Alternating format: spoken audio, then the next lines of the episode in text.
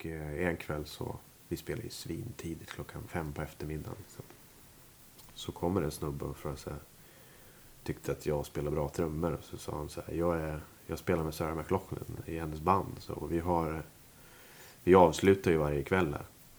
Och på stora scenen och eh, vi brukar bjuda in lite gästmusikanter. Liksom. Vi, ikväll har vi så här Neville Brothers gitarrist och några till som kommer upp och sjunger. Och så kommer de andra artisterna upp och sjunger några låtar. Och vi har liksom, jag har ett extra trumset som vi brukar rulla in. Så jag tänkte, har du lust att spela? Alltså du behöver ju inte vara med, men om du har lust att vara med så, så, så vore det väldigt fint om du kunde göra det. Och jag säger, ja för fan, jag är på liksom. Så jag, vad ska jag göra? Så jag, bara gå upp bakom scenen när vi har liksom spelat i en och en halv timme så, och hälsa från mig så fixar de Så jag gled upp där. De sätter mig på ett trumset och rullar ut mig på scenen. Så här. I Dallas, Texas. Det är så här baseballstadion eller något. Och precis när de rullar ut mig så börjar Erika Badu sjunga What's going on. Och jag spelar trummor. Så. Och sen när vi har spelat så här halva låten då, då glider Questlove in vid det andra trumsetet och, och flyttar på den här Sarah McLachlan-trummisen. Så då är det jag och Questlove som spelar trummor. Så nej, det var mäktigt faktiskt. Bonnie Raitt spelar gitarr. Fy fan. En bit bort.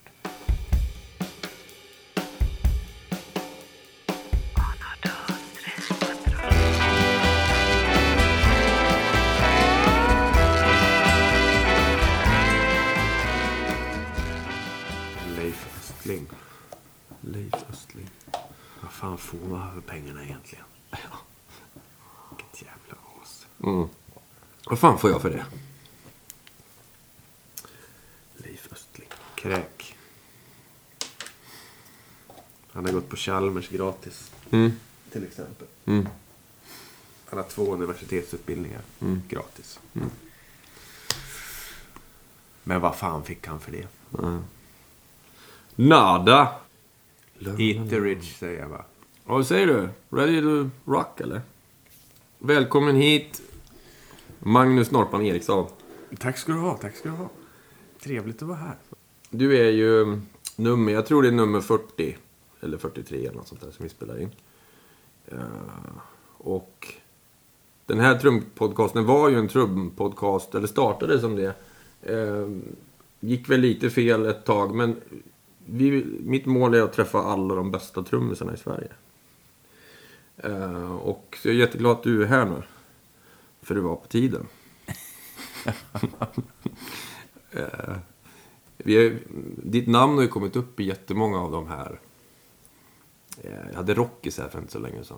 Vi pratade om. Eh, det kan vi ju prata om sen. Det, så kan du få svara på en fråga som man hade där. Okej. Intressant. Men i alla fall. Podcasten heter Jag spelar för livet. Jag ställer frågor, du svarar och sen pratar vi musik och roliga saker. Okej. Jag börjar vi med namn då. Ja, jag kallas ju för Norpan. Mm. Men jag heter ju också Norpan. eh, och det har jag gjort länge. Men eh, Magnus Eriksson är Mm. väl mitt officiella Mm. birth name. Mm. Men det är väl ingen som vet det. Dina föräldrar kommer ihåg det i alla fall. Ja, De döpte det till det i alla fall. Var är du född någonstans? Jag är född i Örnsköldsvik. Övik. Och på den vägen är det. Ja. Tack för att du kom. Tack ska ni ha. Tack så mycket. Eh, men jag brukar fråga vad de har för yrke. Jag vet ju att du, du, är, du är ju trumslagare. Mm. Och har du några andra sådana här grejer som du gör vid sidan om? De flesta som är här är ju ja, musiker, producenter, men sen så är de föreläsare eller de. Har du någon sån här sidaktivitet som du gör? Ja, numera så eh, är jag ju också en... eh, Vad fan ska man kalla det? Textilhantverkare, konstnär, eh, vävare. Det är det faktiskt. On the side. Mm, så. För när man ringer dig ibland, då hör man att du sitter så här, och väver. Mm. Vad blir det av det då? Liksom? Kan- man beställa en poncho av dig? En Norpan-poncho liksom? Det kan man säkert göra snart. Mm. Men... ehm, nej, jag tänkte mest att det var kul. Mm. Jag har lagt alla ägg i min... eh, samma trumkorg Mm. i snart 150 år. Tänkte jag skulle hitta på något annat också. Mm. Mm, det är Vilket är skitkul. väldigt roligt. Och det är lite som att spela trummor och, och väva vävstol. faktiskt. Mm. Det är svängigt. Ja, men det, det är inte långt från varandra. Det är ett skapande. Ja. It's a creative eh, process, you know. creative process. Men jag tänkte, vi, vi börjar från början så här. Vad är ditt första minne av musik? Jag vet inte, jag vet inte riktigt. Mupparna kanske. Mm. Eller... Eh, nej, jag, jag, är faktiskt, jag har faktiskt tänkt på det många gånger. Varför blev det musik egentligen? Men jag tror faktiskt att eh, bland det första jag- freakade på var faktiskt Mupparna. Det är klart. Eh, Var det Animal då som gick igång på mest då eller? Ja, hela grejen tror jag. De hängde liksom backstage på en teater. Det verkar vara så jävla roligt. Mm. Fast de var ju sådär gummigubbar. Men, eh, ja, men det, var, en- det var en skön eh, vibb där som man Mm. gillade. Och det är lite som att vara med i Mupparna ibland. Ja, verkligen. Spela musik. Ja, fan ja, inte men- helt eh, taget i luften faktiskt. Nej. Undrar om de som gjorde Mupparna var gamla musiker eller något. Jag vet inte. Som fick. Vi, men det var ju väldigt mycket musik och liksom gags och... Jag tror mest den där... ja, Det var någon miljö där som jag tyckte var lite cool. Mm. Det hände något bakom. Mm. Där ville man vara med. Eh, Är det någon låt sådär som du kommer ihåg när du var liten som du gick igång på? Jag vet inte heller. Men jag... Mina föräldrar lyssnar ju rätt mycket på musik. De höll inte på med musik. Men min morsa lyssnar på Gunnar Wiklund. Gunnar Jag Wiklund. kan alla Gunnar Wiklund-låtar. Från början till slut. Mm. Jag såg honom live också när jag var pytteliten. Men eh, annars vet jag inte. Farsan lyssnade på Johnny Cash och Elvis och grejer. Mm. Jag hade en farbror som hade Creedence hemma. Mm. Och Johnny Cash på San Quentin. Det var mäktigt. Jag tycker nog Creedence var bäst. Ja, det är bra låtar alltså. Cosmos Factory. Fan vad bra låtar. Spela Creedence! Spela Creedence. Håller än idag. Ja. Vi har ju gjort några sådana här tributekvällar. Vi kanske ska ta en Creedence-kväll. Absolut. Få tyst på dem där. Spela en Creedence. Ja, och få tyst på alla som... Jag menar, Creedence är ju fan bättre än sitt rykte. Så det har ju blivit någon slags skällsord nu. Mm. Spela Creedence, som man garvar åt. Men Mm. fan, det mesta sånt där som, som är skällsord eller Mm. sönderspelade coverlåtar. Det är ju fan fantastiska grejer från början. Som i original är, är, är klanderfritt alltså. Ja, Sweet Home Alabama. Ja, till exempel. Highway to Hell. Eyed Girl, fantastisk låt men man Ja. får ju lite ont i Och magen. hur de har slaktats genom åren. Ja. Vad var det som fick dig att, att, börja spela? Och varför blev det trummor? Jag vet inte. Jag, jag, eh, jag tyckte det verkade kul. Jag tror jag såg på tv så här. Någon som spelade trummor. Jag tyckte det var roligt. Sen köpte jag typ en virveltrumma. Med tillhörande symbol. Mhm. Sen satt jag med en sån här liten kassettband och spelade låtar. Och spela till. Fast det var ju rätt begränsat. Jag hade en virveltrumma och en liten symbol som lät som ett ja, plåtlock liksom. Men när det var så här 4-4 baskagge då drog jag av eh, sejan och körde baskagge. Jag hade någon slags produktionstänk Ja, det är bra. från början, kommer jag ihåg. Så, och sen så uppgraderade jag mig på trumset som jag satt och spelade tre timmar om dagen efter skolan varje dag. Stort tack till mina föräldrar och syskon som stod ut med det. Men det är ju fan, de borde ju ha Nobels fredspris. Ja, men alltså, jag satt på övervåningen i en villa varje dag efter skolan. Spelade två, tre timmar. Utan dörr liksom. Bara satte på lurar med favoritmusik och brände i järnet liksom. Det hördes ju så här två kilometer bort också. Ingen som klagade någon gång. Ja, ett stort tack till dina föräldrar då. Ja, verkligen. Absolut. Brukar de komma och kolla om du spelar nära Övik och så här? Ja, min, min, ja, men min farsa är ju... Alltså min, min mamma dog när jag var 20. Så det, hon fick väl aldrig riktigt uppleva det där. Att jag spelar i... Nej, men att det, jag hade inte ens hunnit börja jobba. Så Mm. jättemycket då. Alltså. Eller jag hade ju spelat. Jag spelade. Mitt första gig gjorde jag när jag var 11 och fick 50 spänn och en, en låda tunnbröd. Det var mitt första gage. Så, men hon var ju väldigt supportive så här. Så att, eh, men farsan kommer och kolla. Han går omkring i Persson Pack eh, hemma. Och, så han, eh, men han är också music lover. Så. Mm. Är det fortfarande Elvis och Johnny Cash? Och... Ja, Han, han gillar ju... Jag tror att hans största stund i livet var när jag fick spela med Totta Näslund. Alltså, det är hans största idol. Så där. Och så här, Ulf Lundell såklart. Men jag tror Totta, det är smällarna högst i hans bok. Alltså. Ja. Har du spelat med Totta alltså? Ja, det är mäktigt. Alltså. Fy fan. Ja, men det är ju stort. Ja, det är stort. Ja, han var cool. Torsten. Ehm, men du sa, ja, ditt första gig då, 11 år, 100 spänn och tunnbröd. 50. 50 spänn. Men det måste ju varit rätt 11 år för 50 kronor. Ja, ja, det här var ju på 1900-talet. Ja, så det var som 500 nu typ. Nej, Jag vet inte vad pengar är värda än idag. Men, men, eh, ja, det var inte så jävla tokigt tror jag. Men det var ju inte därför man fortsatte spela för att man fick tunnbröd och 50 spänn. Utan det var ju jävligt roligt. Alltså. Och sen så... Någonstans på vägen upptäckte jag väl att fan det här är jag bra på.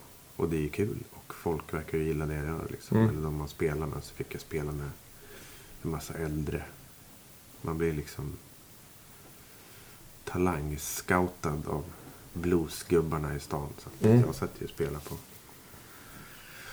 Ja, jag vet inte ens hur gamla de var, men de hade ju skägg och mustasch och flickvänner och bilar och rökte cigg och drack vin och jag käkade bilpåse och var knappt torr bakom öronen.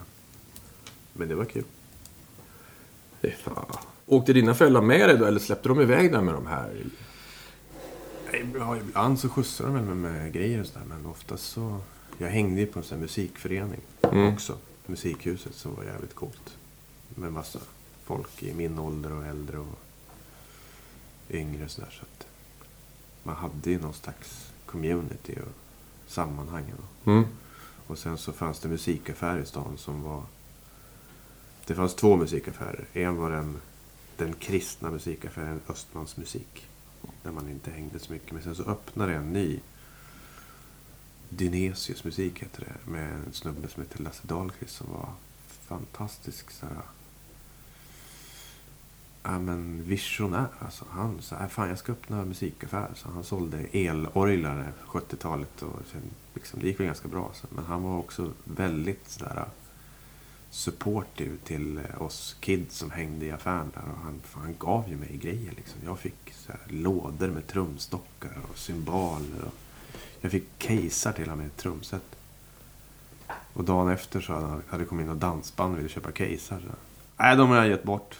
De har Norpan fått. Han var ju fantastisk. Så han var också så här. Jag tror många som bodde i Övik då och spelade honom, honom att tacka för att de fortsatte faktiskt att spela. Vilken jävla hjälte. Ja, verkligen. Och sen hade han studio också. Spela in olika grejer. Var ni där och spelade in och höll på då? eller? Ja, jag var där och trummade lite på olika grejer. Han drog in mig liksom. När man var riktigt pytteliten liksom. Det här var fränt. Han var en hjälte. Du berättade någon gång att det var ett dansband som ringde dig och så här, typ åkte förbi Övik och ringde sig. Kan du lira med oss? Ja, men det var nog när jag var... Vad fan kan det ha varit då? Jag var hemma i Övik någon typ nyårsafton. Så ringer ett dansband från Sundsvall. För jag hade hängde lite i Sundsvall och hade lite gigs där. Så, så hade deras trummis eller hans fru eller något blivit sjuk. Och bara, fan vi ska spela i Dorotea. Ska du med? Ja, för fan. Liksom. Så jag hoppade in. De plockade upp mig över bussen där någonstans. Det de hade eh, personliga tigertofflor, kommer jag ihåg. I bussen. Danceband styling. Men det var kul. Hur många låtar lirade man med de, med de här dansbanden? Var det så här? Det var ju så här fem timmar. Nyårsafton i Dorotea. Tre, fyra, sen körde man. Då fick du gissa bara hur det skulle sluta. Ja, Det är fan och det har jag fortsatt med. Ja, du har ju faktiskt gjort. Nej, men, nej, men det var roligt. Hur hamnade du i Stockholm och, och pluggade musik eller? Nej, jag försökte plugga musik på någon folkis i Skåne. Skurup. Men Mm. det var väldigt jazzigt på den tiden. Det här var ju på 80-talet. Mm. Och då var det väldiga sådana här Dave Weckl-tider. Alltså det skulle smattra som en... Jag hade ju inte riktigt den approachen när det Nej. gäller musik. Har jag ju fortfarande inte. Men det var mycket cirkustricks och grejer. Jag trivdes inte. Det var mer tävling än musik. Liksom. Mm. Det hade fan ingenting med musik att göra. Så... Uh, I got out of it, faktiskt. Mm. Vad gjorde du då? då? efter några månader så sket jag i det faktiskt. Men nej, jag fick faktiskt gig. Med eh, Gina Jacobi hon. Från Sundsvall. Som var någon slags up and coming nästa Eva Dahlgren då. Hon hade kontrakt med Warner tror jag det var. Så vi spelade in lite skivor och turnerade gjorde listan på tv och sånt där. Så det var mitt första riktiga sådär proffsjobb. Mm. Spela in en skiva på Atlantis på Karlbergsvägen i Stockholm. Liksom. Då hade jag inte ens flyttat hit. Det måste ju varit mäktigt då. Ja, det var ju svincoolt. Hette det till och med Metronom då? Eller hette Nej, det hette Atlantis. Men nej, det var mäktigt. Coolt alltså. Och kände du då, men nu är jag, nu är jag inne i svängen här nu. Nej, det var, inte, det var det jag inte gjorde. Alltså, jag var ju så liten och jag hade liksom ingen koll på det här. Jag var så här, nej, jag vet inte fan om jag ska flytta till Stockholm. Vad ska jag dit och göra? Så. Mm. Men sen så träffade jag lite så här folk som höll på med den här skivan. Och så, så här, men du borde ju flytta hit alltså. Du kan ju spela. Mm. Du skulle ju kunna klara dig på det här. Mm. Men, eh, men det tog faktiskt något år till innan jag flyttade. alltså. För att... Eh, nej, jag var inte riktigt klar med det tror jag. Nej. Men vilka började du spela med då när du var, var du så här frilans att du hoppade på lite olika projekt? Ja, men då, då var man ju liksom footloose and fancy free och Mm. väldigt eh, dryga 20 liksom. Ja. Flyttade hit med en kompis. Bodde svinbilligt i andra hand och käkade stekt ris till Mm. middag. Gick på open gate och drack drack happy hour-bira liksom. Ja. Och sen så fick man väl lite så här gig med med något coverband och sen så vart det något coverband som kompade någon artist och sen så eh, träffade man lite folk som sen ja var det väl någon av de där artisterna eller musikerna som var med där som plockade med på olika grejer. Så på den vägen är det.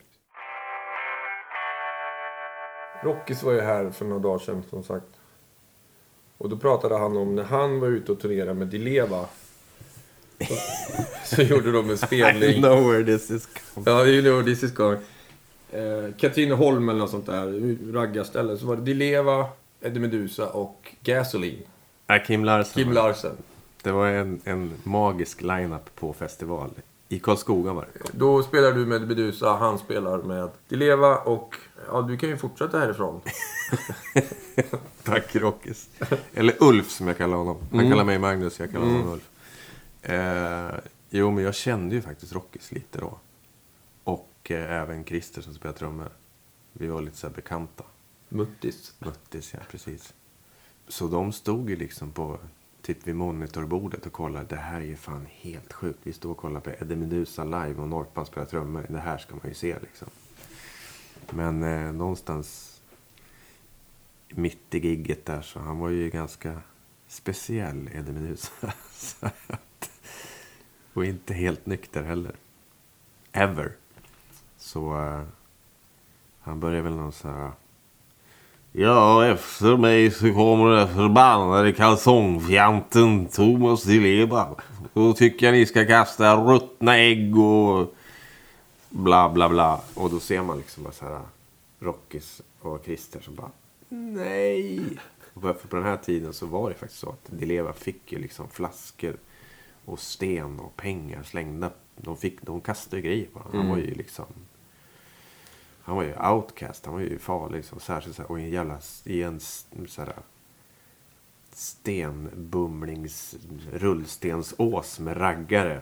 Säger han detta liksom. Och sen så ska det leva. Och de blir så här, fan vi kommer ju bli mosade liksom med grejer. Alltså i vanliga fall får vi grejer på oss. Mm.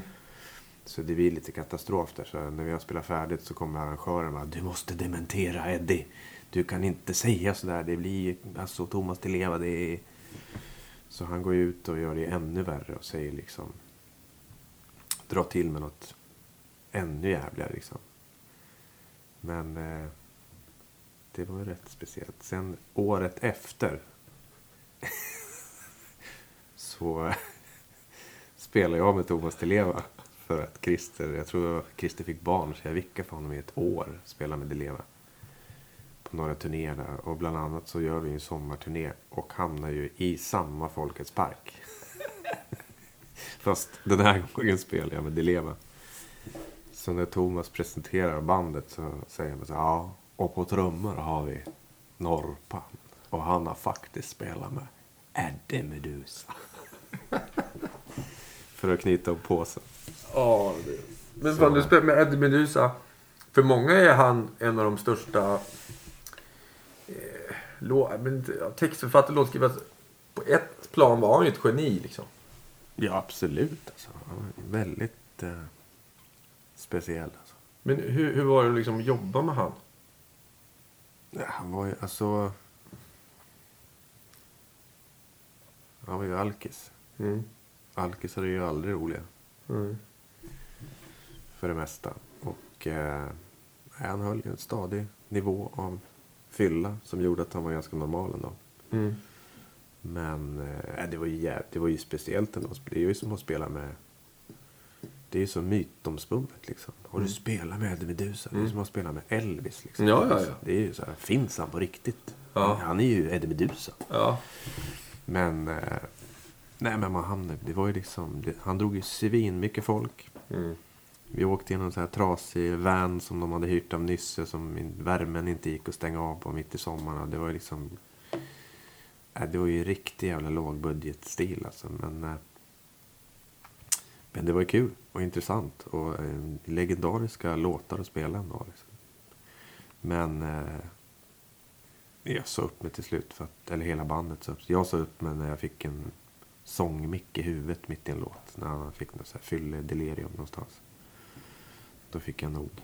Så det kom ju till en viss punkt ändå. Mm. Men det hände aldrig något kul liksom så här, som man kan skratta åt efteråt? Fan. Jo, jag för fan hela tiden. Jag kan berätta Edvin Husa-historier i tre veckor. Kör nu. Nej. Vi gör en, en serie av det här. Nej, jag vet inte. Jag, bara för att det sägs där så kommer jag inte på någon.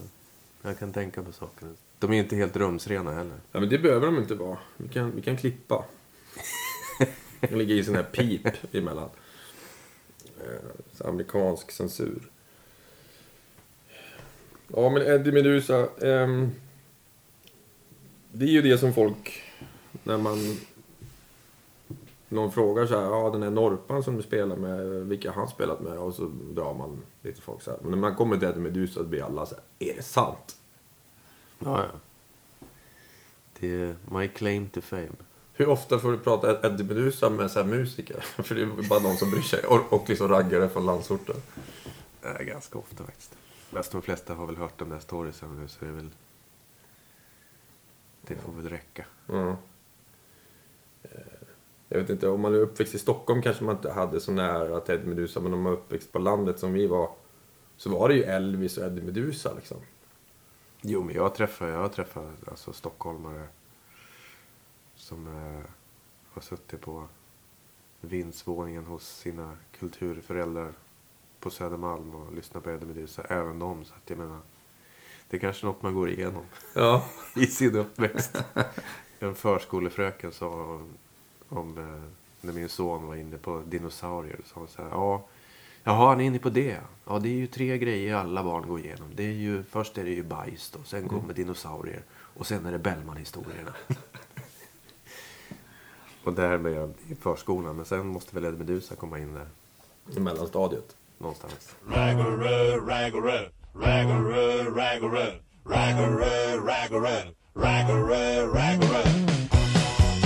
Åh pojkar!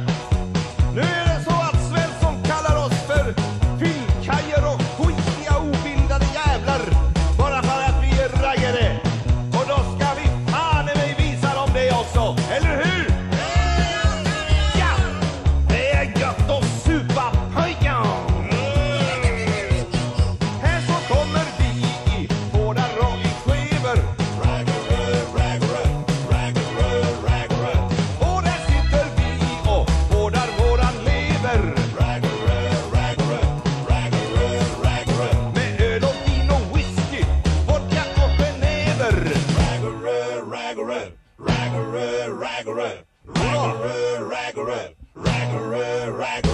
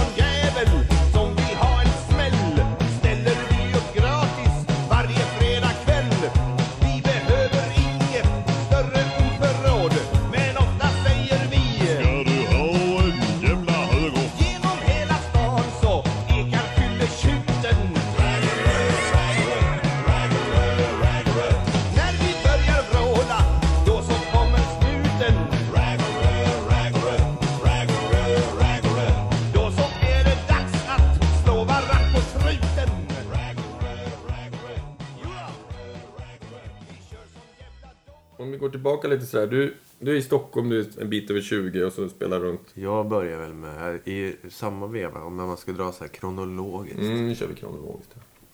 Nu är vi på Eddie Medusa. Strax innan jag spelade med Eddie Medusa så, så fick jag gig med Lolita Pop. Med på, på audition. Och det var faktiskt också av någon lustig anledning efter Christer Muttis. Mm. Han eh, hade inte tid. Jag kände inte honom då. Men eh, de behövde en trummis och eh, någon rekommenderade mig out of the blue. Som inte var någon alls där. Men så åkte jag träffa dem. Gjorde audition och fick giget. Så jag turnerade lite med dem. Samtidigt som jag spelade med Eddie Medusa också. Och det var också jävligt roligt. Alltså Karin Wistrand är en fantastisk sångerska. Alltså. Det var ball. Bra band alltså. Ett av mina så här favoritband när jag växte upp ändå. Mm. Så det var stort. Och sen så, ja, men sen så började man väl få lite mer sådär. Man fick spela in lite och träffa lite mer folk. Och så fick man någon så här Emma Telstar-turné med några olika små grejer sådär. Hit och dit. Och eh, ja, så rullade det på. Jag kommer inte riktigt ihåg i vilken ordning men. Ja, men, jag, ja, men det var därför jag tog upp Lolita Pop Mm. också. Jag tror faktiskt att det var Sten Boberg i Lolita Pop. Som är en fantastisk gitarrist och en superskön snubbe. Han eh, rekommenderar mig för Ulf Lundell några år senare. För han spelade med Ulf Lundell någon gång i början på 90-talet. Mm. Och så hade Ulf frågat honom så här, om han kände någon trummis. Han letade ju folk hela tiden, på den tiden i alla fall. Så en dag när jag kom hem till min lägenhet på Gotlandsgatan så hade Ulf Lundell ringt på telefonsvararen. På den tiden när man kunde så här få ett meddelande på telefonsvararen och vänta i tre dagar Mm. tills att någon ringde tillbaka. Ja, just det. Jag kom väl hem typ en så här söndag från någon gig liksom. Och så har man Ulf Lundell på telefonsvararen som vill att man ska ringa upp. Det är ju mäktigt. Ja, det var mäktigt. Så jag ringde upp. Behövde du göra audition där också? Eller så? Nej, inte riktigt. Vi gick och fi, jag och jag och Jerker Odelholm, basist, hade han också ringt. Eh, vi gick och fika med honom på Café Vetebullen på Hornsgatan och gjorde väl någon slags anställningsintervju. Mm. Och eh, jag kommer ihåg att Ulf frågade mig vilken, vad jag hade för fa- favorittrummis. Och på den tiden, precis på den här, under den här tiden så lyssnade jag. Jag var inne i en, i en eh, svår Stevie Wonder-period. Så Mm. jag svarade Stevie Wonder Mm. på favorittrummis. Och han bara... Ja, ja, okej. Jag vet inte, jag vet inte om han visste att Stevie Wonder spelade trummor överhuvudtaget. Det kanske inte... Men då var det lite konstig stämning. Tänkte Mm. nu får jag... Det kanske var dumt sagt. Men jag fick giget i alla fall. Och, och då hade ni inte ens spelat ihop liksom? Nej. Det är ju ändå stort av dem att bara ta in två killar så här. Ja, vilka? Ja, nu kör vi. Det är turné nästa vecka. Eller hur funkar det? Gjorde ni skiva först? Eller vad gjorde ni? Nej, vi började med att göra en Vi började med att repa i så här tre, fyra veckor. För att göra en dubbel-CD. Som vi spelade in på Polarstudion när den fanns. Mm. Och sen direkt från det så eh, gick vi tillbaks till replokalen och repade några veckor till. Och sen åkte vi på sommarturné. Vilken var den skivan ni spelade in? Vad heter det? Då spelade vi in en som heter På andra sidan drömmarna. Heter den. Och sen kom den ut på hösten där. Och sen spelade vi utav bara helvete i en massa år. Och långa gig. Långa gig. Äh, det var fantastiskt. Eh, Alltså jag spelar ju hellre långa gig än sitter och degar på ett hotellrum. Mm. Så eh, jag har ingenting emot att spela långa gig. Nej. Och allt efter detta är ju en walk in the park. Alltså. Tre timmars gig är inget. Det är, Det är första set. ja, det är första set. Jag tror rekordet med Uffe var nog... Eh, vi spelade på Nicky Ström och Tottas eh, hak i, i eh, Lysekil. Restaurang... eh, havsbadet där. Så, så körde vi så här, två kvällar inomhus. Svinlitet tak liksom. Bara mitt i sommaren. Hur varmt som helst. Då tror jag vi spelade nästan sex timmar. Fem, sex timmar. Gick folk ut och tog luft och Nej, jag tror inte fika? de kom någonstans. Det var så jävla tjockt. Alltså. Men sen så sist, alltså, den sista turnén jag gjorde. Klubb Zebra-turnén. Då spelade vi ju liksom från... Vi började halv åtta så var vi klara någon gång strax före ett. Utan paus liksom. Hur Så spela två timmar för mig, det är ingenting. Nej. Men när man spelar så länge och inte är någon paus, hur får man i sig liksom energi, så vätska och... Um, Spelar man, du med en hand så här på, på virveltrumman och sveper med den andra liksom? Eller? Ja, typ alltså. Man blir jävligt bra på det alltså. Dricka vatten och spela med en hand. ja. Nej, men jag drack ju så här. Två liter vatten, en Red Bull och lite till. Under gig. Mm. Och sen så, jag har ju kommit på i efterhand. Jag käkar ju chips till frukost. När jag spelar som mest sådana här långa gigs alltså. Folk trodde jag var dum i huvudet. Fan, äter du chips till frukost? Men det är ju Mm. för att liksom... Det var någon slags självmedicinering. Jag måste tillbaka till så här, man har svettats i fem timmar. Mm. Men eh, det var ju världens bästa träningspass också. Man Mm. behöver inte gå på gym direkt. Alltså. Jag gick ju ner så här fem kilo på en turné fast man bara sp- spelade och drack bira och Mm. satt still. Var det ungefär samma band under hela svängen med Lundell eller var det byttes det ut? När jag var med var det nästan, eller vi, vi var någon slags grund, eller jag och Jerker fick ju giget samtidigt. Mm. Och eh, vi eh, var väl med lika, Jerker var med längre än mig. För jag sa upp mig till slut. För att det krockade med lite annat. Men eh, det var Janne Bark och jag och Jerker. Så var det lite olika keyboardister. Och gitarrister. Extra gitarrister. Och ett tag så hade vi kör och blås och grejer också. Men själva grundtrion så där var väl jag och Jerker och Janne i alla fall när jag var med. Mm. Janne Bark, fantastisk gitarrist. Mm. Ja, det glöder ju. Ja, han är superskön. Han är, han är grym. Det finns ingen som kan spela sån gitarr i det här landet som han gör. Eller Nej. så här, Neil Young-gitarr liksom. Mm. Med ett oförtjänt rykte ändå. Som är med många så här. Vadå Janne Mark? Jag försvarar han in i döden alltså. Han är ju superjävla bra alltså. Unikt superbrinn. Första vi gjorde när vi var i studion skulle han lägga på en gitarrsolo i kontrollrummet. Då eh, när de tryckte på rött så flög han omkring som en liksom även som ett jehu Mm. in i, i kontrollrummet. Liksom. Bara, Nej, men nu är det, ju, det är ju gig. Mm. Han ställde på järnet liksom. Och sen så han tryckte på stopp så satt han snett. Ja, var det bra eller? det jävla brinnet alltså. Det är fantastiskt. Jag såg er någon gång. Det var, man blir glad för man såg att ni hade kul. Ja, ja, absolut. Nej, det var skitkul alltså. Det var grymt. Och då, är, då, då funkar det att spela sex och en halv timme om man har roligt. Ja, för fan alltså. Det tycker jag. Men jag tycker ändå att jag har haft tur att spela med bra grejer så att, som man gillar ändå. Så att man, det är inte så att man lider i fem timmar. Jag, ska, jag hade inte fortsatt spela om jag inte hade tyckt att det var kul och bra. Liksom.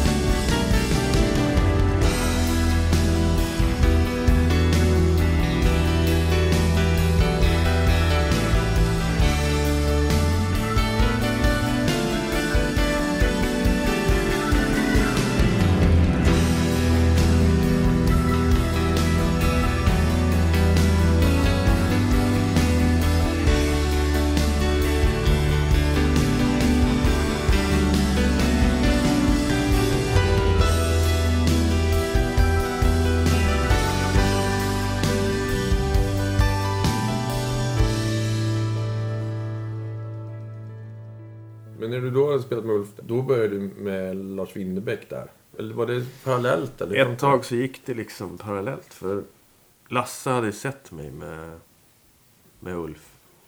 Och liksom skulle spela in en ny skiva. Och sen så kontaktade de väl mig. Och ville att jag skulle vara med. Och jag hade liksom tid och lust. Jag fick en kassett med låtar faktiskt. Eh, som jag tyckte var skitbra. Och det enda jag visste om Lasse då, det var jag hade sett, han hade, jag sett en affisch när han satt i skräddarställning på en refug med långt rött hår. Så. Mm. Och eh, nej, men jag tycker det lät, det var cool. Eller jag tyckte det var bra. Han hade något jävligt bra tycker jag. Så då eh, spelade vi in en skiva. Mm. Och det här var väl Kom-skiva hette det. 99. Och det, det var faktiskt, eh, ja, det var kul. Bra. Jag gillar den skivan. Än idag. Ja, men den kommer man ihåg. Och sen så, nej men sen så ganska i, i några år där så lyckas jag faktiskt eh, snurra tallrikar och både spela med, med Lasse och Ulf. Men eh, till slut så krockade det. När Lasse blev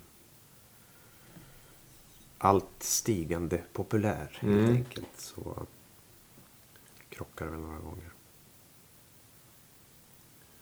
Otroligt... Jag upptäckte honom kanske andra han skrivit och då man säger fan det här är... Tänkte man så här, fan vad bra det här är. Det här kommer bara några musiker, men så här, folk som gillar den sortens musik kommer tycka om det här och det kommer väl bli bra. Och sen så gick jag på någon spelning där alla bara stod och skrek så här. Lasse, Lasse, Lasse, Lasse! Ja, men det var Så här, så man bara, fan vet de vem han är? Nej, det var faktiskt sjukt mäktigt alltså. För jag visste inte heller mycket. Vi spelade in den där skivan och sen så var det en höst som... Nej, alltså jag är ju... I princip var man ju... mm, Spelade ju jättemycket med Lundell. Det var ju liksom... Vi spelade, man spelade in skivor och så åkte vi på turné och så hade man inte tid med så mycket annat. Faktiskt. Mm. Men eh, så var det en höst. Så var det någon turné med Lasse Wester. Första jag gjorde. Då hade vi spelat in den här skivan. Jag visste inte heller så mycket mer. Och vi har första gigget. Har skivan varit ute i en vecka eller två liksom. Och det, det kommer tusen pers som kan varenda jävla ord på nya skivan. och då fattar man liksom att han hade ju redan då liksom någon slags following som var väldigt dedikerade. Mm. Och eh, super... För han har ju liksom spelat sig till det där. Mm. Och gör det fortfarande liksom. Och under tiden som vi, eller från det jag började, och vi började liksom så, så blev det ju liksom fler och fler som, som upptäckte honom. Liksom. Mm. Men han hade ju väldigt eh, lojala och eh, hängivna fans Mm. redan innan jag visste vem han var. Liksom. Mm. Och det var ju liksom, alltså när vi spelade på isstadion så skrev de ju fortfarande i tidningen att, liksom, att han inte var någonting. De här som inte fick vara med och Mm. upptäcka honom. Mm. han var ju redan upptäckt av sin publik. Liksom. Mm. Så det var någon slags... Han kallade sig liksom så här, 3 plus Lasse hela... Men nu, så här, på senare år, så här, Mm. har det väl liksom... Men det var väldigt vad de inte fick vara med, de här journalisterna. Liksom. De fattade ju ingenting. Det var faktiskt väldigt intressant. Konstigt ändå, för han spelar ju ändå sån här musik som man tänkte så här. Recensenter skulle säga här, fan du kom, det är bra texter, det är bra melodier, bra låtar. Men jag, jag tror att de, hade, de, åkte, de, liksom, de hann inte med vad som hände det. Eller hur, liksom, hur, hur poppis han var, eller blev, eller redan var liksom, på något vis. Mm. Och, Men sen måste du ju bara ha sprungit iväg galet. ja, det var ju liksom, de där åren var ju... Det vart ju liksom... Det var ju ett snäpp upp hela tiden liksom. För varje skiva och varje turné. Så vart det ju liksom mer och mer folk. Och det var mäktigt att vara med om det. Men var det någon så här, nu ska vi ta ut landet och skriva på engelska? Det var aldrig några sådana planer. Nej, jag tror inte det.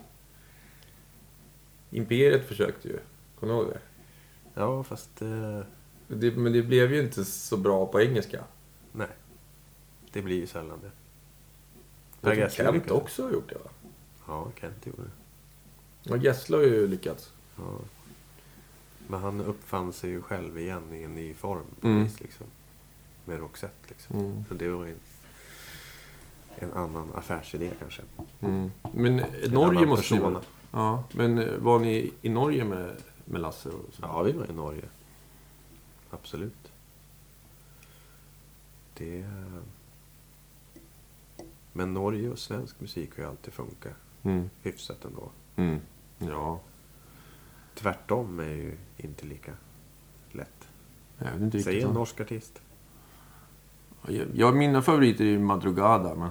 Ja, men jag tänker så här som en svenskar. Liksom. Gemene. Gemene man liksom. Arne Brun kanske. Ja. Fast hon är- har också bott här i hundra år. Fast hon utgår ju härifrån. Ja. Är väl Jan Teigen och liksom... Ja, Och Alexandersen kanske. precis. Winnerbäck där. Sen bytte han band och då... Vad gjorde ni då? Vad ni i bandet liksom? När han bytte band? Ja. Nej, men jag fortsätter spela med allt möjligt annat. Vad, vad blev det då då? Ja, det var ju så länge sedan. Jag spelar med Perssons back. Och jag spelar med ja, Money Brother. Började Mm. väl spela med någon gång där. Några år efter jag slutade med Lasse. Som jag fortfarande spelar med. Ja, det är ju Perssons också. Ja. Anders berättar ju hur du fick hans gig. Det första giget. Det är en bra story. ja, det är en bra story. Men han har redan dragit den här. Nej, inte här. Bara eh, off.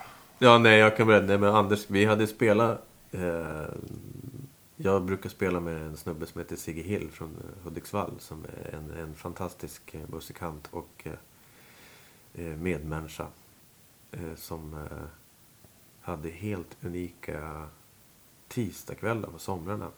Där han, han kände en massa musiker och, och artister.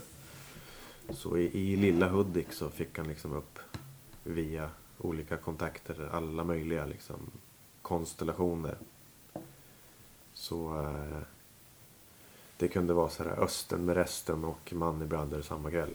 Som gäster liksom. Och Ja. Elvis-låtar ihop. Fantastiskt. Och vi hade väl, jag tror Anders hade varit med någon gång. När jag var med och spela. Och sen flera år, många år senare. Så har, får han blir hans trummis nedslagen på Folkungagatan. Dagen före någon gig. Och bryter armen. Och, sen, och Anders ringer liksom de här trummisarna han brukar spela med. Mm. Liksom. Och det är mitt i sommaren, ingen kan liksom. Och sen så ringer han. Sen så av någon underlig anledning så ringer han mig. Eh, och jag är på något gig uppe i, i Hälsingland eller något. Och eh, vad gör du imorgon? Så bara, ah, jag har gig men eh, hur så? så ah, jag ska headlina en festival i Skellefteå. Och, och jag har ingen trummis. Eh, och du är den sista jag ringer typ. Så, Ja. Kan du? Så bara, Nej, egentligen inte men det låter ju lite för kul för att tacka nej. Så, så jag satte vick på det andra giget och eh, så sa jag, nej men jag är med. Jag, är- jag är på. Mm. Och sen så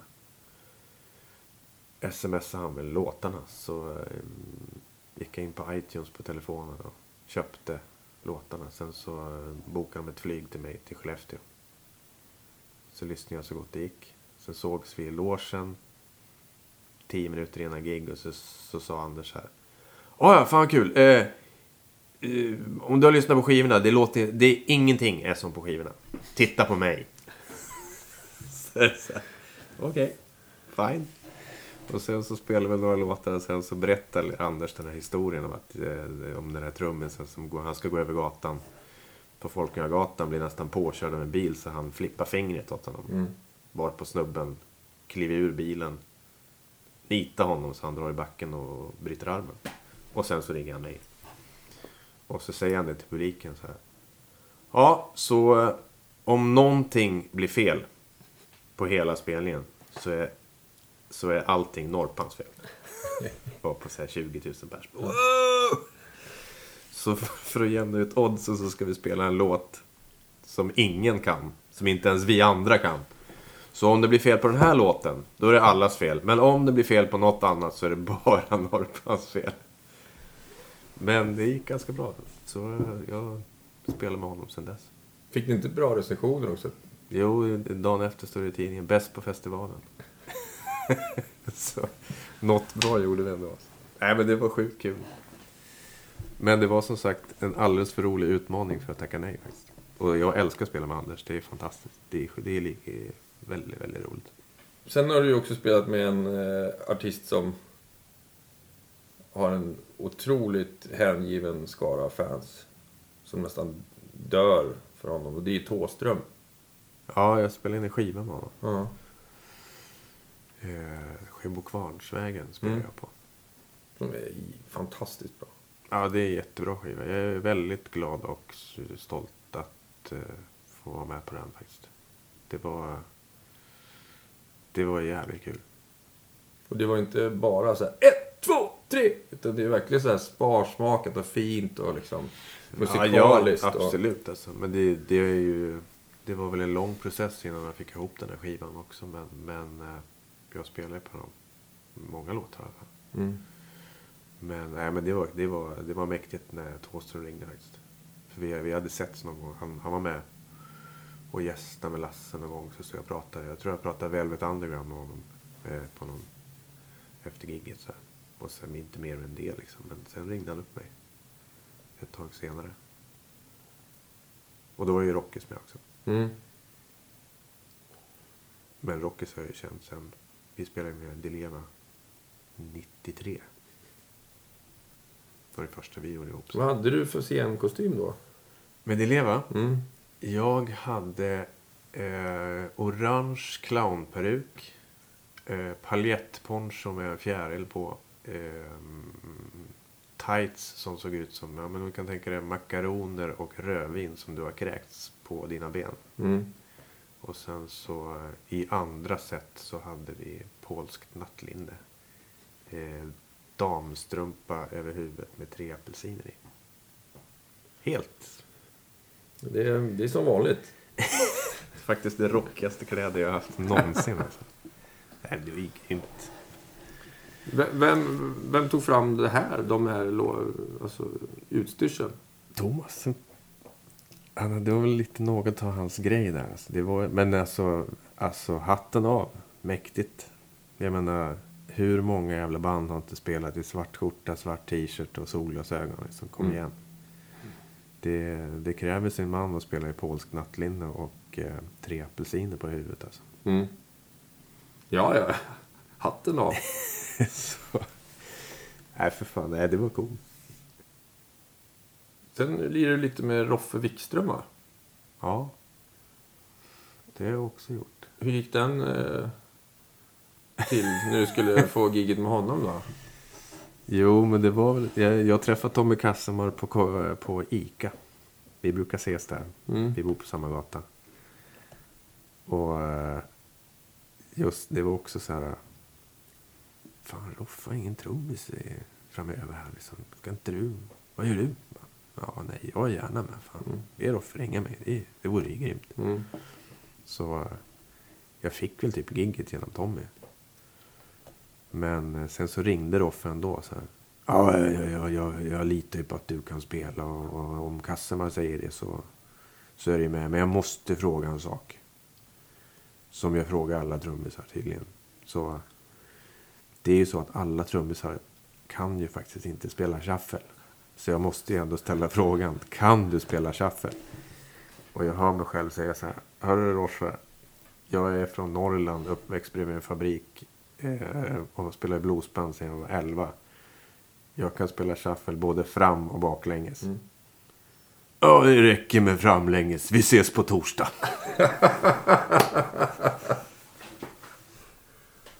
men, det var, men han är också så här. Han, på, om vi snackar brinn alltså. Där har du Ja. en riktig musikant som, som gör det på riktigt jävlar alltså. Om man ser att han älskar att spela. Ja, för fan. Svinhögt spelar han också. Och bra. Mm. Och med värsta brinnet alltså. Nej, han är, han är väldigt kul att spela med. Det gillar jag. Jag såg honom på Mosebacke en gång, solo. Han hann röka så här åtta cigg innan andra låten var slut liksom. Så satt han den så här. Tog ett så här djupt blås, blåste ut, det var på den tiden man fick röka in.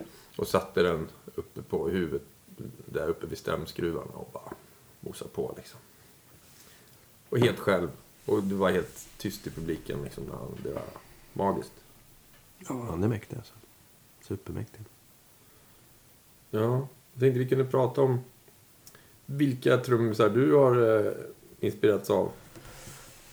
Ja, det är många favoriter man har haft. Alltså. Jag, men jag har väl ändå inte varit sådär jättefreakad på något speciellt. Det är väl mer så här perioder man har haft. Man har liksom kollat in olika grejer liksom.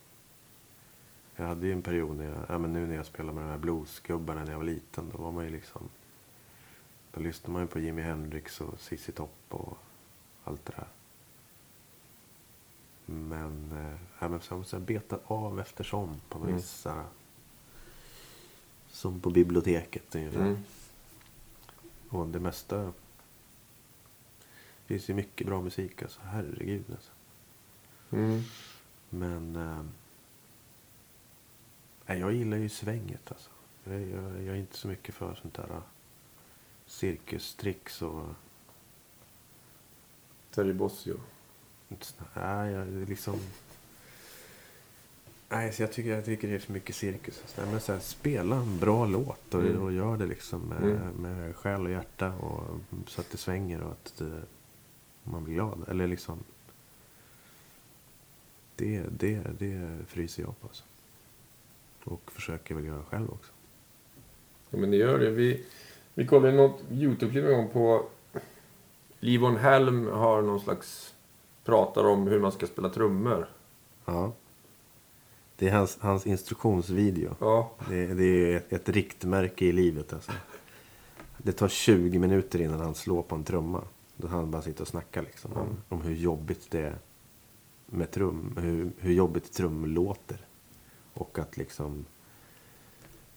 Nej men bara så här att det, nej, det är musik. Det är på riktigt. Det ska svänga och sen så börjar han spela trummor och sjunga samtidigt. Det är helt magiskt alltså.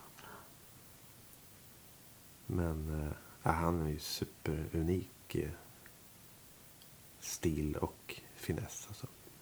Och en grym sångare också såklart. Ja, det är helt- Framför allt. Han hade ju också tips på vad man skulle ha för skor va? Ja, ja, man skulle ha cowboyboots for protection.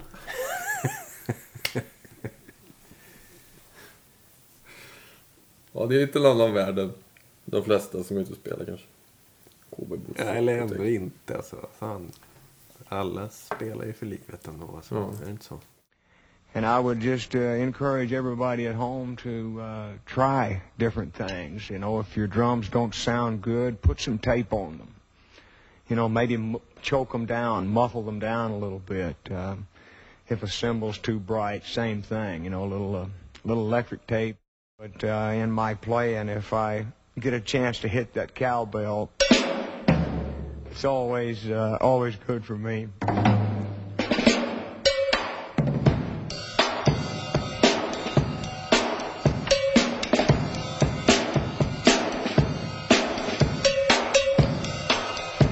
uh, you wouldn't hold it in his in as firm a triplicate place. You would you would break it up into more of a jazz type feel, and it would follow more of what we're doing on the bass drum, more of a bounce.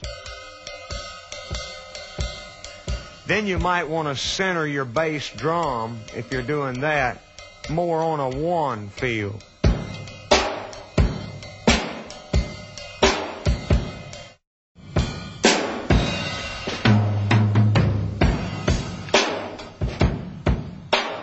As opposed to which is going to get old in a hurry. So if you can half it down, it gives you more room, it gives the music more space. You got me slipping and a sliding with a long tall Sally.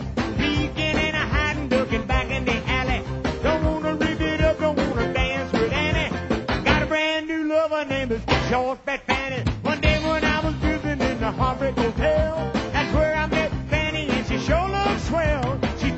Men eh, så här band och sånt då, som du har snöat in på? Ja, vad har jag snöat in på egentligen? Eh, jag har haft mina perioder. Jag hade liksom... Eh, jag gillar ju väldigt mycket... När jag var liten i alla fall så upptäckte jag The Police tyckte jag var jävligt bra. På tal om, det är väl det enda så här sporttrummisen man ändå så här tycker Om man kan kalla honom det. Men han spelar ju också väldigt speciellt. Och eh, musikaliskt och med ett jävla driv. Alltså ettrig som en eh, iller. Men eh, och innovativt och svängigt och kul tycker jag. Stuart Copeland, det är, det är en stor favorit. Alltså. Mm. Man tänker band sådär. Men sen så... Nej, jag har väl mest varit inne på att lyssna. Jag gillar bra musik, bra låtar liksom. Så jag, jag gillar mycket soul, gammal så här Motown och ja, som Stevie Wonder. Helt freakad på Stevie Wonder ett tag. Alltså. Och så Marvin Gaye och ja, allt det där. Det är fantastiskt. Mm. Med så här enkelt, svinbra musik liksom. Och sen hela liksom americana-grejen. Jag var ju väldigt mycket inne på så här California, Jackson Brown och Little Feat och, och Eagles och hela den där liksom ligan som jag också tycker är Ja men det är väldigt, väldigt ligger varmt om hjärtat. Mm.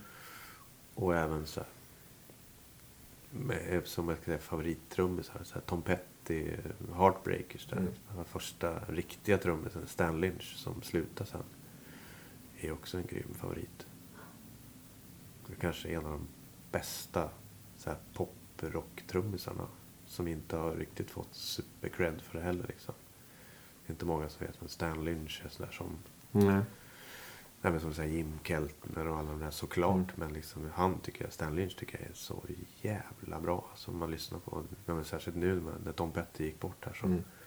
För man lyssnar på de här gamla plattorna. Så jävlar vad han spelar musikaliskt och lekfullt, fint. Och han körar liksom skitbra också. Men Mm. spelar liksom, han spelar ganska mycket men. Men eh, han spelar liksom låtar. Han spelar Mm. låtar liksom. Otroligt så här, följsamt och. Nej, också en stor inspiration. alltså. Så. Mm. För du är så otroligt bred. Du, du och jag spelar ju tillsammans i ett band som spelar väldigt många olika stilar. Mm. Och ehm, ofta när man spelar med såna här trummisar så är de ju specialiserade på ja, men en rocktrummis eller pop eller jazz och sådär. Kan ibland ha svårt att spela liksom.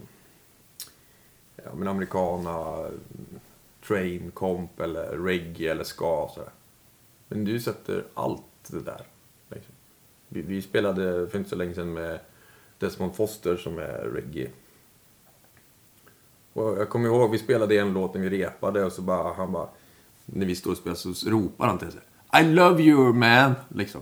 Och det är inte så ofta han säger det när vi spelar. Nej, det är fint som fan. Alltså, det är, tack så mycket. Eh, så att, stor eloge för, för din fantastiska bredd också. Liksom. Mm. Men, men det är det jag tycker är roligt också. Jag, jag tycker att det är musik liksom. Mm. Det har inte så mycket med... Men jag brukar säga det. Det har inte så mycket med att spela trummor att göra faktiskt. Mm. Jag, tycker, jag tycker det är många som spelar trummor. Mm. Men, men få som spelar musik. Alltså. Mm. Jag, jag tycker liksom, det har inte så mycket med trummor att göra. Men... Eh, och eh, den mest... Det finns ju... Det finns något bra i... i essensen är väl densamma i, någon slags Mm. sväng sådär som man vill åt. Och sen så har man väl, jag har ju spelat väldigt mycket. Jag är ju gammal som gatan. Mm. Men, men och lyssnat på sjukt mycket musik. Och jag har varit mycket DJ, så här, spelat allt möjligt konstigt. Eh, olika stilar, Mm. rörigt liksom. Så absolut, det hänger väl ihop. Mm. Men just att spela också. Men just att spela också. Men det är väl för att man gillar det tror jag. Mm. Någonstans. Eller för mig är det det i alla fall. Jag gillar, jag, gillar jag det så Mm. Så gör man, försöker man väl göra sitt bästa av det liksom, och, och spela det. Så. Och säga ja när folk frågar. Det, de flesta här är ju också sådana här. De, de säger ja för att bara, ja, jag har aldrig gjort det men det är klart vi ska prova. Ja, för fan. Men det är, det, alltså, då, annars kommer man ju inte vidare någonstans heller. Mm. En av de läskigaste grejer jag gjort på senare år, på tal om det, jag säger, svarar jag att jag blev kompis med en folkmusiker som heter eh, Magnus Stinnebom som spelar med Brother också. Som är liksom en fantom på folkmusik. Liksom. Mm. Han gör egen musik och spelar mandola och är grym på fiol. Och hans fru är den värsta riksspelmannen på fiol. Nej, men de är så här royalty i folkmusik. Och han Mm. frågar mig om inte jag vill vara med i hans band och spela folkmusik. Liksom. Och jag blir ju livrädd. Så här, vad fan. Jag, jag har ingen aning om vad det här är. Liksom. Men ni räknar inte ens till fyra. Typ. och han skickar några liksom låtar som var så här. Wow, vad, oj, oj, oj. Liksom. Men det var också så här. Fan vad kul. Alltså, Mm. vilken, vilken ära att få frågan. Och tror att jag fixar det och kan tycka kan tillföra något. Så absolut, vi kan väl prova. Liksom. Mm. Jag, jag är gärna med. Det, det låter för kul för att Mm. tacka nej till. Liksom. Men faktiskt det första på länge som jag ändå har känt så här. Det här kanske inte går vägen ändå. till en början. Men också sjukt kul och sjukt eh, inspirerande. Och eh, man lär sig ju något nytt liksom. Mm. Och bara liksom det sättet att jobba med musik. Liksom. Jag är ju mest spelar med så här. Ja, väldigt eh, ja, svensk eh, textbaserad. Med säger så här, Ulf Lundell, Lasse Winnerbäck, Thåström, Mm. Lisa Ekdahl. Mm. Liksom, som ändå är... Det är ju poplåtar. Med. Mm. Men plötsligt ska man spela instrumental tretakts eh, polska liksom. Med ett jävla drag med vevlira och, Mm. Fan vad mäktigt. skitfränt alltså. Faktiskt bland det roligaste jag gjort någonsin alltså. Och, eh, och så var ju Rockis med på bas där också. Mm. Så vi var väl så här rockdvärgarna som klev in i det där.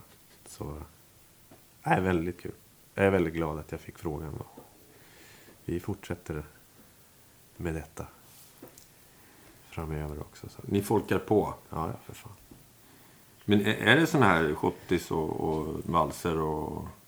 Det är mycket tretakt alltså. Det är Mm. inte ofta man räknar till fyra faktiskt. Men eh, vi har ju vi har ju en stående eh, festivalgig i, i varje sommar.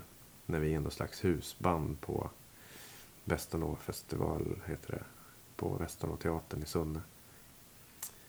Eh, och eh, då är det ju liksom jag och Rockis som är rock kompet på något sätt. Och sen Mm. är de ju folkmusiker liksom. Och, de, och så ibland så kompar vi ju popartister också. Så gör vi folkmusik. Och när vi spelar folkmusik så... Men när de ska spela poplåtar. Så här, hur fan tänker ni när, när ni gör sånt här då? Som är så här mammas gata för mig i Rockis. Ja. Då blir det så här ombytta roller. Och det liksom samarbetet i sig blir ju något jävligt intressant av. Eftersom liksom man kommer från lite olika världar. Sen så möts man i musik. Liksom. Mm. Och det är så här, fan, bra musik som svänger. Så nu ska vi få till det. Vi ska spela ihop och liksom. Mm. Och eh, det blir ju blir en bra clash av det liksom. Och jag är glad att också liksom att man får vara med och göra sånt. Att, det inte är, att man inte är liksom... Det är ju lätt att bli nischad liksom. Och Mm. såklart att jag också är och har varit det. I mångt och mycket såklart. Men eh, jag tycker det är väldigt roligt att göra allt möjligt. Och Ja. sätter någon slags ära i det också. Och jag försöker göra det så bra som möjligt såklart. Det har du ju, delar du med Rockis då, för han är ju likadan. Mm. Han vill ju också bara "Ah, ta operagig. Ja, vad fan, det kan liksom... Det kan inte mer än gå åt helvete. Nej, men det är ju, det är ju rätt. Ja, det är roligt. Liksom fortsätta vara ett nyfiket barn och, och vilja vara med och, och, och leka på andra lekar. Ja, ja, alltså annars... Alltså den dag man sätter sig ner och tycker att nej, nu är jag nöjd med det här, nu kan jag det här. Nu, Mm. Ja. nu, nu kommer jag inte längre liksom. Då är det ju dags att lägga av. Nej, men jag ser liksom så här Loffe på bild här. Mm. Till exempel. Vilken snubbe alltså. Mm. Han spelar ju hur bra som helst ända in i döden. Liksom. Mm. Och för att han hade brinn liksom. Mm. Bosse Skoglund har också spelat några år. Ja, precis. Nej, men jag menar, det är som man spelar. Det är det man gör. Mm. Och det finns en anledning till att man börjar och en anledning till att man fortsätter också. Ja, det, det är inte många musiker som planerar sin pension. Det är för att man inte får någon pension. Ja, men så här, fan jag är 65, då jävlar ska jag leva livet. Nej, det kanske är så alltså. Jag hade träffat någon som bara, ah, nu har jag bara fem år kvar. Sen får jag vara ledig. Ja, nej, det kanske är så. Vi är ju glada om vi får jobba mycket. Alla har ju inte den inställningen till arbete. Nej, kanske inte alltså. Men det är också ett väldigt speciellt liv att leva också. Mm. Jag tänker på det, du måste ju vara något av en, ett turnéproffs i den meningen att du att du är ganska cool i de flesta lägena. Vi har ju åkt runt lite eh, tillsammans du och jag i många konstiga ställen och spelat. Och jag har aldrig sett dig bli liksom eh, stressad över situationen eller Du vi bara, ja, nu är vi här och nu verkar det vara så här och ja, vi fick ingen mat och det var ingen ström. Och, men det går nog ändå. Ja, nej, men man blir ju lite bra på det ändå. Det är väl någon slags förutsättning för att man ska kunna hålla på med det också. Man, eh, men det är också väldigt intressant. Det finns, jag vet, eh, jag såg eh, jag såg en intervju med, jag tror det var Jackson Brown faktiskt. Som, hans pappa var jazzmusiker tror jag. Han hade sagt det. Så, Lär dig spela ett instrument. Du kommer att få träffa väldigt mycket olika människor och hamna på platser som du inte skulle hamna i. Och situationer som du inte skulle hamna i annars. Om du lär dig bli bra på att spela ett instrument. Så det är ett fantastiskt liv att leva liksom. Mm. Och du, du kommer få vara med om en hel del. Både bra och dåligt. Men, och, men om man har den inställningen att det, det kan bli en bra story och står man ut med det och kan hantera det så är det ju jävligt roligt, tycker jag. Än idag liksom. Och sen, det är klart, fan man kan bli sur om man har varit på turné i tre veckor och den här tredje dagen när man inte får någon mat så kan man ju nästan slå ihjäl någon. Men det, det är ju det. Ja, men det, man skulle kunna tänka sig att du bara säger men var är logen, var är mina handdukar, var är baren? Alltså, men Ja. ingenting som det är bara så här, okej, då kör vi. Det här blir kul. Ja, nej, och men- det är väl kanske därför folk också ringer dig, för att du är svinbra på att spela, men också jävligt cool i alla lägen och bara tycker fan, det här är toppen liksom. Ja, tack så mycket. Det var fint att höra. Men, men ja, jag hoppas väl det. Absolut. För alla klarar ju inte av det där. Nej, kanske inte. Det är en, det är en konst. Men om man samlar på bra stories så är det ju ett fantastiskt eh, yrke. Ja, verkligen. Jag tror att eh, många musikanter skulle behöva skriva, skriva ner sina stories. Mm. Det blir jävligt roligt alltså. Bara vi har ju så spelat för 150 operasångerskor. Vi har, vi har spelat i en iglo. Och det här är bara senaste veckan. Ja. Nej, men det är Men så, så här, kungens kompisar. Eh, spelat med ungdomar som inte kan sjunga. Alltså det, det kan vi ju garva åt. Ja, precis. Och, och eh, sen vips är man i Singapore. Liksom. Ja. Eller, eller i, liksom, på ett truckstop i, i Montana. Och bara, jaha. Så jag menar, nej, det är mäktigt faktiskt. Det jag tycker en av de stora fördelarna med att ha fått spela så mycket är ju faktiskt att man har ju fått åka runt på... Jag menar, jag åkte två varv runt eh, USA liksom i alla möjliga och omöjliga storstäder och hålor som man aldrig hade fått se annars. Liksom. Vem lirar du med Till då? exempel. Du spelar med Ebba Forsberg Mm. som hade... Hon fick kontrakt med... Kontrakt med, med Mm. Madonnas skivbolag. Maverick Records. Och skulle lanseras där. Så vi gjorde en vår och en sommar i USA. Med henne liksom promotion först och flög runt i alla stora städer. Gjorde radiospelningar och gig på kvällen. Och sen så åkte vi förband till Neil Finn från The Crowded House. Och då var det så här bussturné. Alltså så här pojkdrömmen personifierad. Mm. Åka bussturné i USA. Med tumbleweeds utanför liksom. Mm. Och Ja men riktigt så här. Fan är jag med om det här? Mm. Och jag eh, är jävligt glad också att jag... Jag tänkte redan då, det här är ju liksom 20 år sedan snart, eh, att jag, jag tänker nog se till att så här, vrida ur det bästa och mesta av det här. Mm. Så, så fort jag var ledig en sekund i vilken jävla stad eller håla jag än var i så tog jag min Instamatic-kamera eh, och gick ut och liksom tog en kaffe eller en bira någonstans eh, och mm, tog sjukt mycket bilder. Mm. Och bara kolla in så här, wow, en, en frisersalong i Montana. Så här. Ja men det var verkligen så här. Mm. Istället för att ligga på ett hotellrum eller i en buss så var liksom Såsa. såsa. Och det är jag väldigt, väldigt glad för. Fick inte du sitta in med någon så här lite större grej också? Jo, vi spelade någon sån här festival. Vi spelade någon sån här eh, tjejfestival som hette eh, Lilith Fair. Hette den. Som en eh, eh kanadensisk sångerska som heter Sarah McLaughlin eh, hade startat. Hon var skitstor där. Så hon var head act och sen var det så här Erika Badu och Bonnie Raitt, Liz Fair. Ja, lite olika så här. Amerikan och allt möjligt. Och eh, vi gjorde väl kanske några festivaler där i, i lite olika ställen i staterna på den här turnén. Och eh, en kväll så, vi spelade ju svintidigt klockan fem på eftermiddagen. Liksom. Så kommer en snubbe och frågar att tyckte att jag spelar bra trummor. Och så sa han så här, jag, är, jag spelar med Sarah McLaughlin i hennes band. Så, och vi har, vi avslutar ju varje kväll här på stora scenen och eh, vi brukar bjuda in lite gästmusikanter. Liksom. I, ikväll har vi så här Neville Brothers gitarrist och några till som kommer upp och sjunger. Och så kommer de andra artisterna upp och sjunger några låtar. Och så vi har liksom, jag har ett extra trumset som vi brukar rulla in. Så jag tänkte, har du lust att spela? Alltså du behöver ju inte vara med, men om du har lust att vara med så, så, så vore det väldigt fint om du kunde göra det. Och jag säger, ja för fan, jag är på liksom. Så jag, vad ska jag göra? Så jag bara gå upp bakom scenen när vi har liksom spelat i en och en halv timme så, och hälsa från mig så fixar de. Så jag gled upp där. De sätter mig på trumset och rullar ut mig på scenen. Så här. I Dallas, Texas. Det är så här baseballstadion eller något. Och precis när de rullar ut mig så börjar Erika Badu sjunga What's going on. Och jag spelar trummor. Så.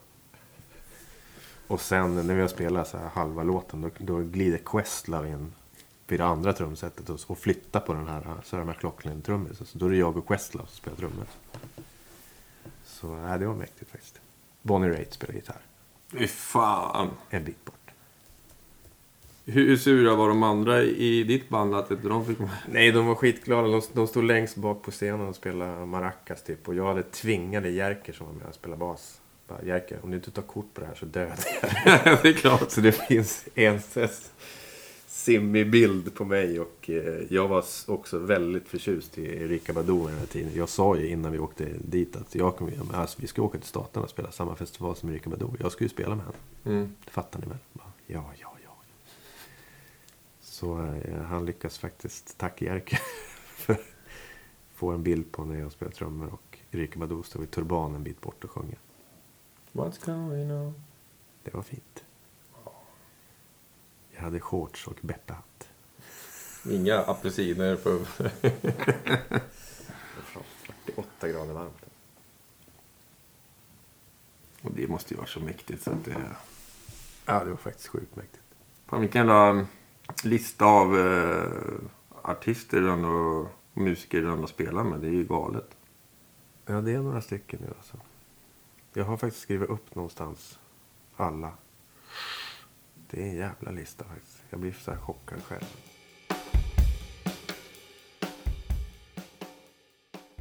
Har du någon story när det gick åt skogen liksom? Någon sån katastrofstory? De brukar vara de roligaste. Katastrofstories. Ja, men alltså... eh, Nej, men man har väl aldrig goofat något gig sådär. Men jag tänker om det hände som- något på vägen. Jag lät eller? som Jerry Williams. Goofa något gig. Ja. Nej, men... Eh, nej, jag vet. Jag är inte katastrofstories alltså. Jag kommer inte på någon. Sådär. Om inte du kan någon. Jag vet inte. Rocky till exempel, han berättade ju att de hade blivit utskällda av en dam i Danmark när han spelade med Sky High. Att Claes Yngström hade fått kommit fram en dam i halvlek och skällt ut honom att det var så dåligt. Och han spelade de där fyra noterna du spelade, de kan jag gå hem och spela. Och bara gick på honom. Men hon sa det, men du är i alla fall bättre än din basist. det tyckte han var roligt. Ja, men alltså folk har ju alltid massa åsikter. Men jag tycker de flesta är liksom... De flesta man träffar är ändå väldigt, väldigt snälla och eh, uppmuntrande och gillar det man gör. Alltså. I alla fall Mm. de som kommer fram. Det är, alltså, det är sällan någon som har kommit fram och liksom skällt ut den ändå. Det kan jag fan inte komma på någon. Alltså. Mm. Snarare att det kommer fram och så här gillar det man gör. Ja, man har ju, när vi har varit iväg ibland har man ju sett folk som har kommit fram med lite darrande överläpp och liksom så här, är det inte du? Som spelar med Uffe. ja, men det händer ju på bensinmackar. att det kommer fram. Många farbröder faktiskt. Mm. Det är fint. Alltså. Det är... Ja, men jag kommer ihåg en gång, jag, jag spelade fel. Eh, jag började på fel låt med, med, just, med just Lundell i Lysekil en gång. Bara dundra igång chans när det skulle vara någon ballad eller något. Jag kunde kolla fel i, i låtlistan. Jag är ändå ganska ordning och reda så det händer ju fan inte ofta. Det har inte hänt ofta liksom. Men... Eh, och det är ju liksom... Så här. Arena rock. Och alla bara stirrar på en. Här, vad fan håller du på med? Och sen så efter några takter va. Sorry. så efter det gigget så är vi inne på en så här restaurang efteråt. Och så står jag i pissrännan inne på herrmuggen. Så glider upp en så här svinfull snubbe liksom. Halloj! Trummisen! Ja, det var jag. Spelar fel ikväll såg jag. Då var man inte så kaxig faktiskt. Det så. Han missar inte i alla fall. Du fick inte med de andra på chans då? Nej, faktiskt inte. Men det var faktiskt samma dag så var vi ute och gick på, liksom, på byn. I, och så kom det fram en journalist. Det var så här, jag, Jerker som spelar bas, David som spelar keyboard. kom det fram eh, en så här lokal journalist. Så här, hej, hej, ska ni, ska ni gå på konserten ikväll? Så bara, eh, ja, vilken menar du? Ja, Ulf Lundells förstås. Och vi så här, ja, jo, det hade vi nog tänkt göra faktiskt. Jaha, jaha. Eh, ser ni fram emot det här eller? Ja, jo men det gör vi nog. Alltså, det ska bli kul. Så. Mm. Jaha. Eh, har, ni, har ni sett honom förut? Ja, ganska många gånger faktiskt. Särskilt den här sommaren har vi nog faktiskt sett eh, alla spelningar. Så. Oj, oj, oj. Så. Jaha, kan jag, ja, ja, det ska bli kul då. Så här, kan jag ta era namn?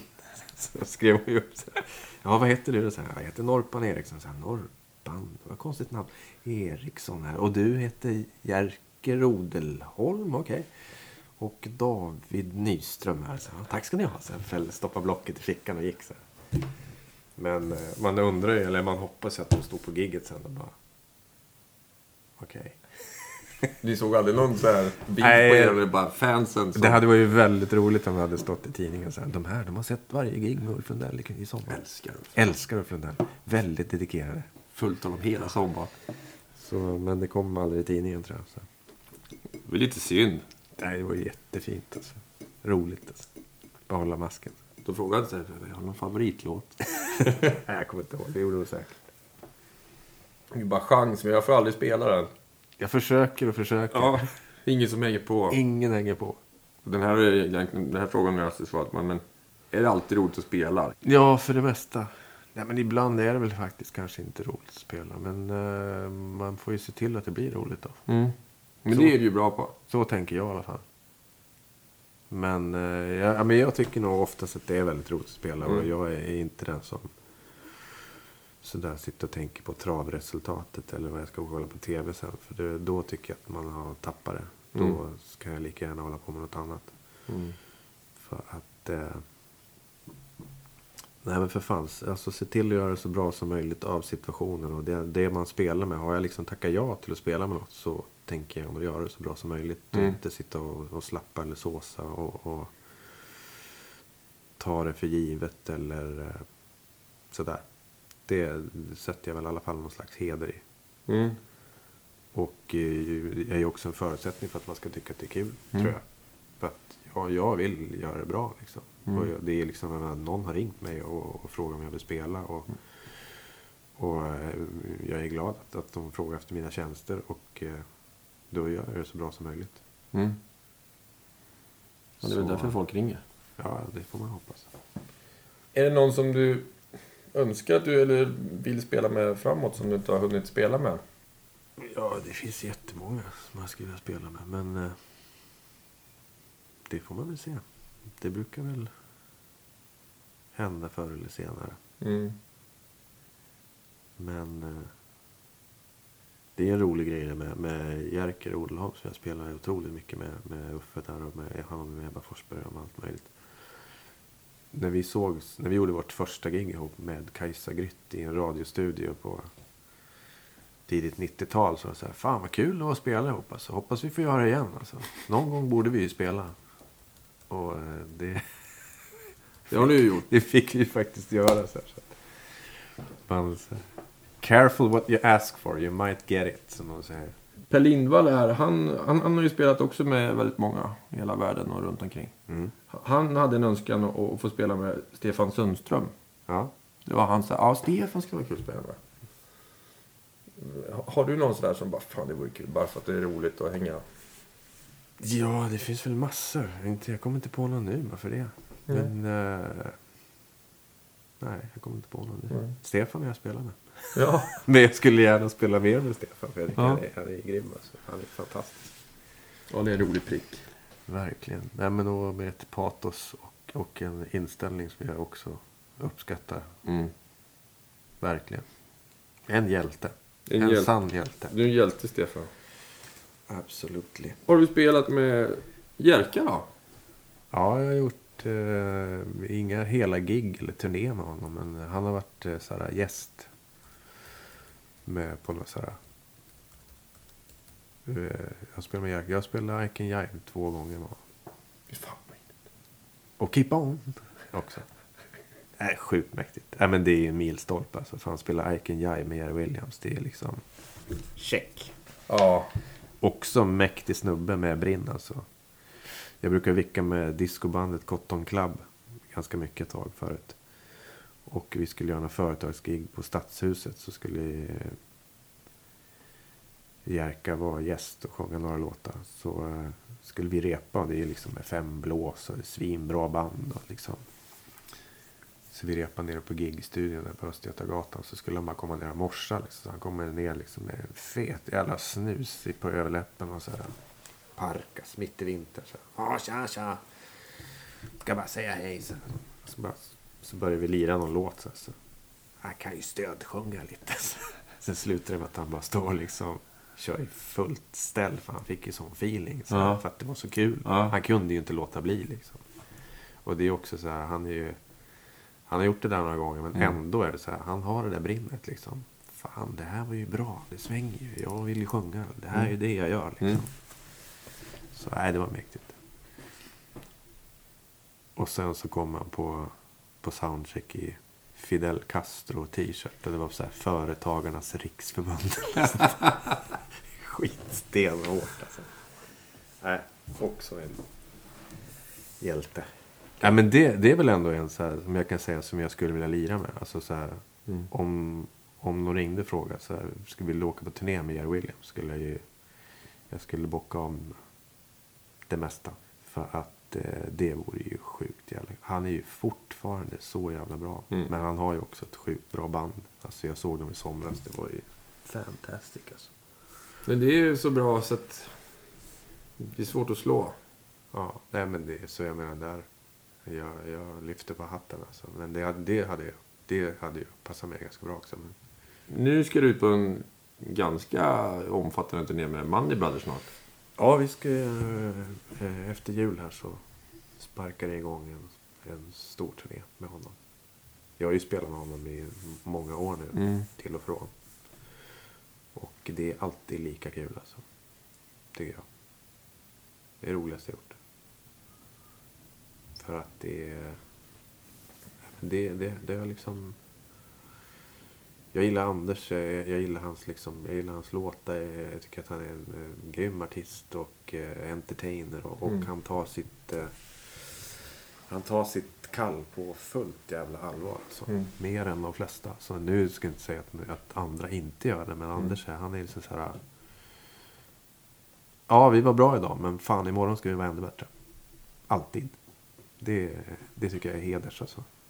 Och det är också väldigt inspirerande och roligt. För att då, då gör man sitt bästa också. Så det blir en vårsväng och sen kanske det blir sommar. måste du väl ut och spela också då? Eller är det planerat eller? Jag, inte, jag vet inte. Det jag vet nu är att vi ska göra vår sväng. En Mm. stor turné. Fan vad kul. Ja, det ska bli grymt kul. Det är många datum, så här 20, 25. Ja, jag tror det är 20 nu. Framåt då? Vad, förutom Anders, vad, vad har du på gång då? Framåt? Ja, nej men jag fortsätter väl att spela. Jag spelar med Per Persson fortfarande. Mm. Perssons Pack Persson. Och med Anders, det är väl det jag gör mest. Spelar jag med dig ibland. Ja, Det är kul. det är kul. Det är jävligt kul. Men man, det en... Ringer någon så är jag med. Mm. Så är det. Det är jag så ju- fint. Sen har jag min lilla familj och eh, min vävstol också. Det är fullt upp.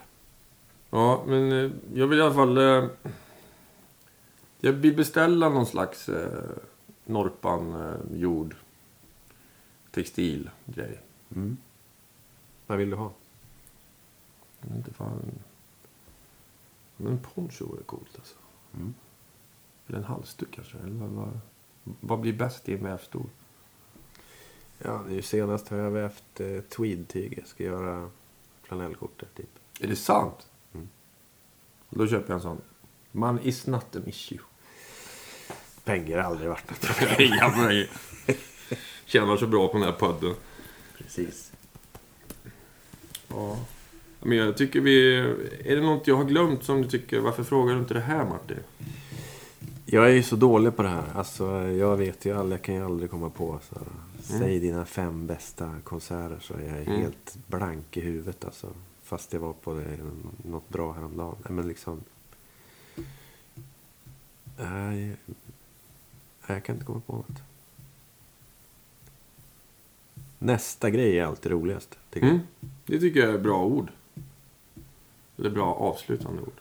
Nej, jag, jag säger som Anders brukar säga. Idag var vi bra, men imorgon ska vi fan vara bättre. Alltså. Mm. Tack så hemskt mycket Norpan Eriksson. Tack själv Martin. En applåd tycker jag vi kör på dig. Norpan. Thank you.